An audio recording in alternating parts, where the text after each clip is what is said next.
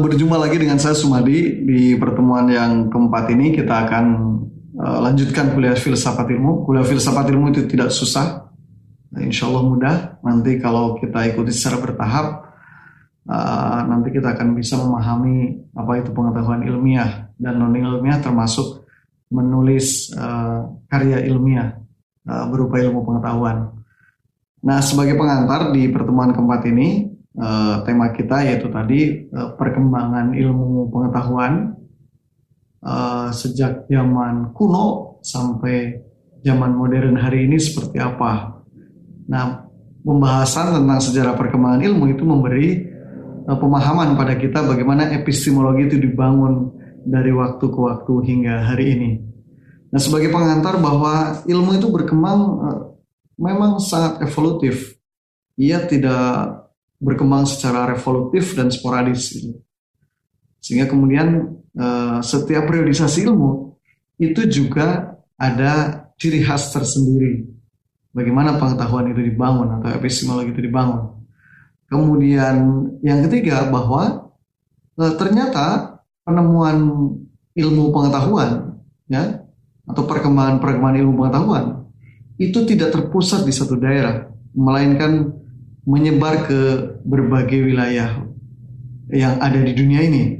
Misal Babilonia, ilmu itu berkembang ke Mesir, Cina, Irak atau dunia Arab ya, Yunani, Indonesia, hingga daratan Eropa. Nah, berbagai kemajuan ilmu pengetahuan yang kita saksikan hari ini itu merupakan bagian uh, berbagai ilmu pengetahuan yang ditemukan di berbagai wilayah dan kemudian terakumulasi dalam konteks peradaban modern hari ini. Secara sistematis, urutan perkembangan ilmu pengetahuan dalam catatan sejarah misalkan uh, pertama zaman kuno itu sampai uh, sebelum abad kelima Masehi. Jadi sampai abad kelima sebelum Masehi. Kemudian zaman Yunani kuno itu abad kelima sebelum Masehi sampai abad ke-1 sebelum Masehi. Kemudian zaman Romawi abad ke-1 sebelum Masehi sampai abad ke-5 Masehi. Kemudian zaman uh, gelap atau the dark age itu abad ke-5 sampai dengan 10 Masehi. Kemudian masuklah zaman pertengahan medieval yaitu abad ke-10 sampai dengan 15 Masehi. Kemudian masuklah zaman kebangkitan atau Renaissance, Renaissance abad ke-15 sampai ke abad ke-18. Kemudian muncullah perkembangan ilmu di zaman modern sampai hari ini, yaitu dimulai sejak abad ke-18. Mari kita bahas satu-satu. Yang pertama perkembangan ilmu pada awal peradaban. Tadi zaman kuno, Yunani, eh, dan Romawi. Yang pertama sebelum, artinya sebelum 15.000 tahun sebelum Masehi. 15.000 tahun sebelum Masehi. Ternyata manusia sudah belajar dari alam sekitarnya yang terkenal dengan know how, ya, mengetahui bagaimana, mengapa. Kemudian budaya hidupnya nomade, berpindah-pindah. Batu sebagai peralatan. Bahkan itu 4 juta sampai 20 ribu sebelum Masehi. Batu dijadikan sebagai peralatan kehidupan. Eh, cara hidupnya mereka memecahkan masalahnya adalah dengan trial and error di zaman ini pula seleksi alat ditemukan ada tembaga, besi, perak, dan lain-lain. Bahkan Cina di zaman dinasti Shang itu sudah menemukan peralatan perang berupa peng, uh, berupa perunggu. Kemudian India menemukan roda pemutar untuk tembikar. Nah kemudian yang kedua 15.000 sampai 600 tahun sebelum Masehi. Perkembangan ilmu pengetahuan sudah manusia sudah mulai mengenal membaca, menulis, berhitung ya. Ini disebut dengan one to one korespondensi. Sehingga menghitungnya bisa dengan jari, dengan kerikil dan lain-lain gitu. Nah, kayak orang Madura kalau itu one apa? tu atau one dua dan seterusnya kayak gitu mungkin ya. Tapi saya kurang tahu apakah sama atau tidak. Nah, kemudian pada periode 15.000 sampai 600 sebelum Masehi juga uh, dalam catatan sejarah ada periode Mesir kuno, kemudian Sumeria, Babilonia, Tiongkok, suku Maya, Inca, dan pada periode ini mulai memperhatikan alam, gugusan bintang sebagai satu kesatuan Ursa, ya, kemudian Minor, Scorpio, nama zodiak, menemukan terbit dan tenggelam matahari, ditemukan planet, ya, Merkurius sampai dengan matahari dan bulan. Kemudian pada zaman ini juga ditemukan bahwa waktu bulan itu 28 sampai 29 hari. Waktu timbul tenggelamnya matahari berpindah-pindah dan butuh waktu 365 kali sebelum kembali ke kedudukan semula. Dan pada saat matahari 365 kali, bulan butuh 12 kali. Sehingga di sini ditemukan yang sampai kita saksikan hari ini, yang bulan itu 12, kemudian hari 365 hari. Kemudian di periode ini sehingga kemudian juga ditemukan kemampuan meramalkan suatu peristiwa atas data atas dasar peristiwa-peristiwa yang sebelumnya terjadi. Pada periode ini juga ditemukan kemampuan menemukan abjad dan sistem bilangan alam yang sudah merupakan perkembangan pemikiran manusia ke tingkat abstraksi. Jadi ngitung sudah tidak perlu one to one korespondensi, tapi sudah pada tahapan uh, abstraksi teman-teman uh, yang sangat uh, bahagia, bahagia ya belajar filsafat terus. Filsafat itu harus bahagia.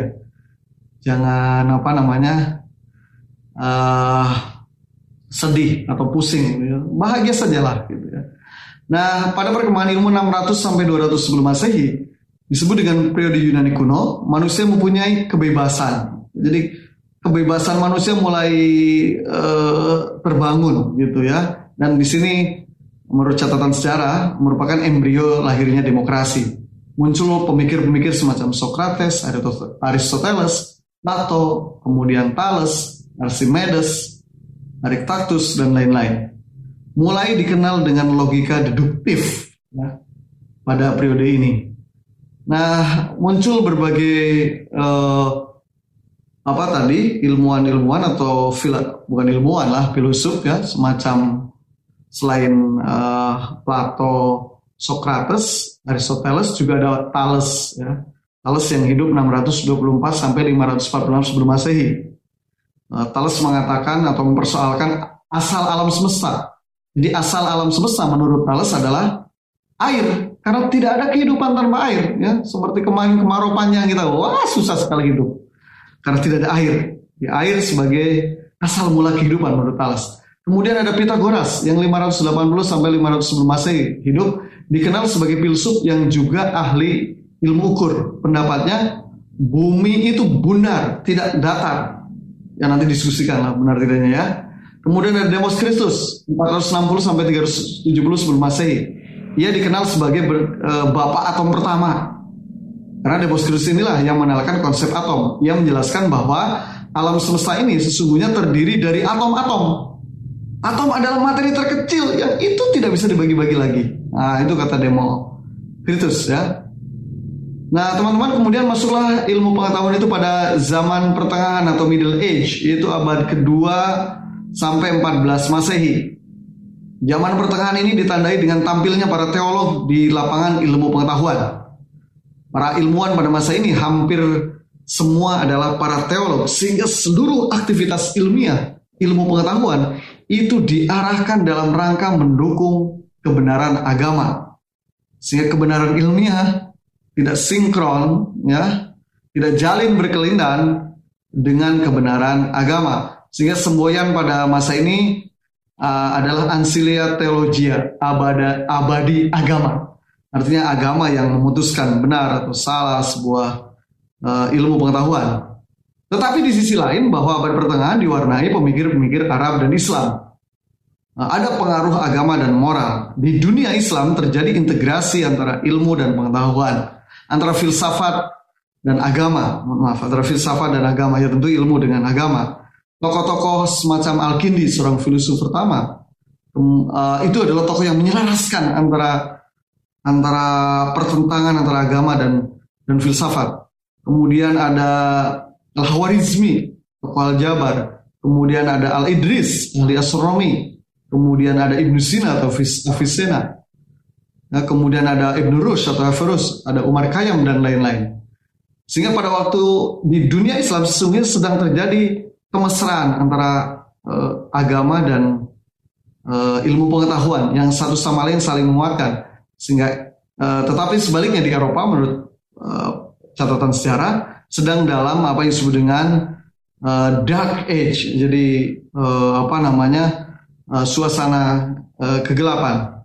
Nah, kenapa kemudian di dunia Islam waktu itu uh, di abad pertengahan justru masuk dalam abad yang disebut dengan Golden Age atau abad uh, yang disebut dengan abad keemasan umat Islam karena pertama adalah ada ajaran universalisme. Tidak ada pertentangan antara agama dan filsafat. Justru satu sama lain saling menguatkan. Yang kedua ada toleransi. Ya, ilmu pengetahuan dikembangkan dalam konteks uh, membangun toleransi yang kuat. Baik toleransi dalam ilmu pengetahuan juga toleransi dalam kehidupan. Kemudian yang ketiga adalah international character of market. Jadi ada uh, ya ilmu di, dikembangkan dalam mem, bagaimana membentuk uh, moral atau karakter yang universal. Dalam bahasa lain adalah rahmatan lil alamin gitu. Kemudian dunia Islam juga ada respect for science and scientist, menghormati antara uh, ilmu dan ilmuwan. Ya, ilmu dan ilmuwan memang sangat dihormati oleh kalangan agamawan. Sehingga kemudian yang kelima, menurut Keptani bahwa kenapa kemudian di zaman e, pertengahan itu Islam mengalami kemajuan yang sangat e, pesat dan golden age itu karena ilmu-ilmu yang dikembangkan bersifat Islami. Artinya bahwa sesungguhnya apa pun ilmu dan kemudian ada nilai kemaslahatan bagi umat manusia e, tidak mengandung nilai-nilai eksploitatif tidak memarjinalkan agama, memarjinalkan moral, memuliakan manusia, melayani alam, maka itu yang disebut dengan ilmu Islami dan itu yang dikembangkan. Dan lima faktor ini yang menyebabkan kenapa dunia Islam pada waktu itu mencapai golden age dalam ilmu pengetahuan. Nah, perkembangan ilmu selanjutnya adalah pada abad modern.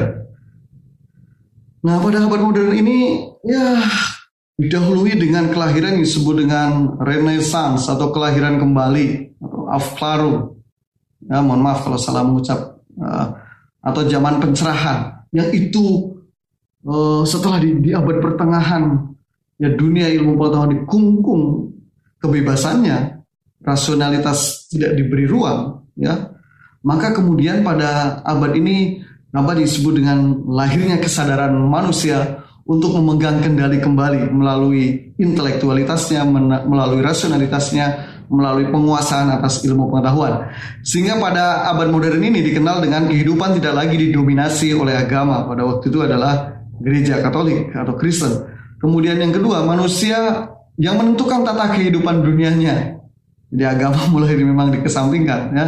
Ditandai dengan munculnya aliran-aliran epistemologi, ada rasionalisme, empirisme, kritisisme, idealisme, positivisme yang semuanya aliran-aliran epistemologi ini kemudian ya berfokus pada pengembangan ilmu pengetahuan modern gitu.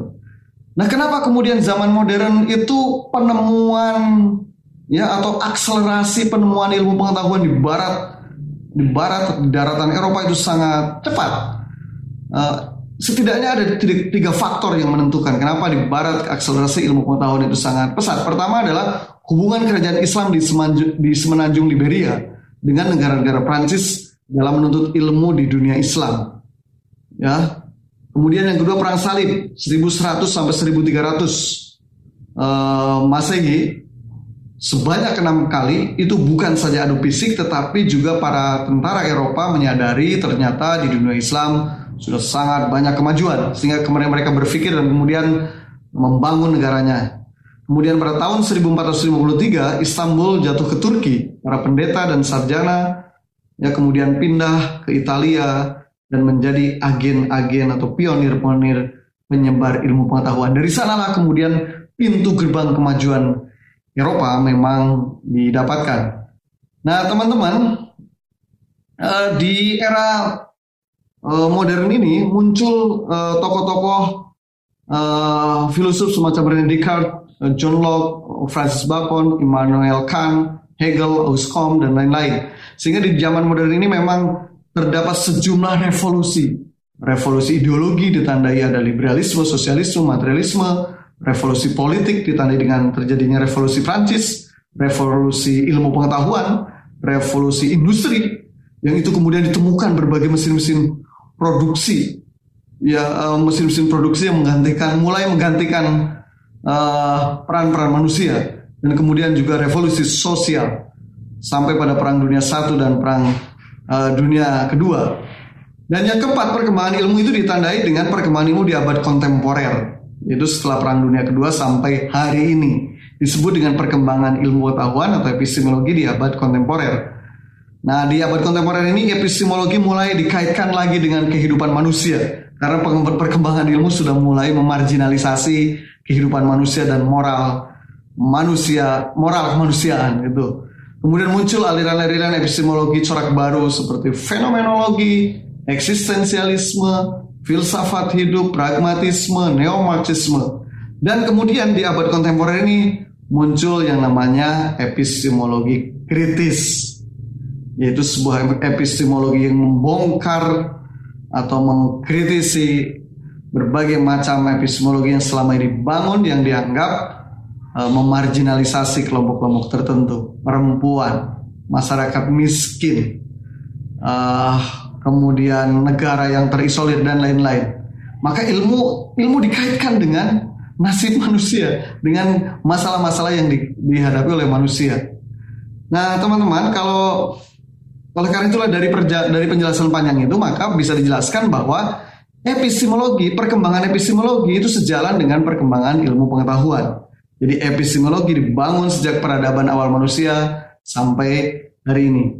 Jadi kalau kita simpulkan bahwa perkembangan ilmu pengetahuan eh, pertama sejak Yunani kuno, dulu ada mitos, kemudian muncul logos ilmu pengetahuan ya, abad pertengahan eh, sampai dengan 14 Masehi ditandai dengan kekuasaan teologi khususnya teologi gereja kemudian abad modern munculnya Renaissance uh, kemudian F. Clarung modern ditandai dengan munculnya ragam epistemologi ada rasionalisme, empirisme, kritisisme, idealisme, positivisme dan kemudian sampailah kepada abad kontemporer ya tadi muncul epistemologi epistemologi baru fenomenologi strukturalisme, neopositivisme, neomodernisme, ya sampai kepada epistemologi kritis, di mana bahwa ilmu pengetahuan memang tidak bisa dipisahkan dengan kehidupan manusia.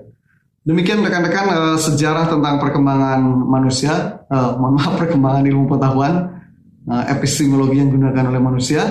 Karena ini adalah kajian singkat, jika ada teman-teman uh, penasaran dan butuh dialog, maka silahkan dialog ya, uh, kritik, saran atau elaborasi atau pertanyaan Anda bisa sampaikan di uh, YouTube ini. Terima kasih. Uh, nanti kita lanjutkan pembahasan selanjutnya. Assalamualaikum warahmatullahi wabarakatuh.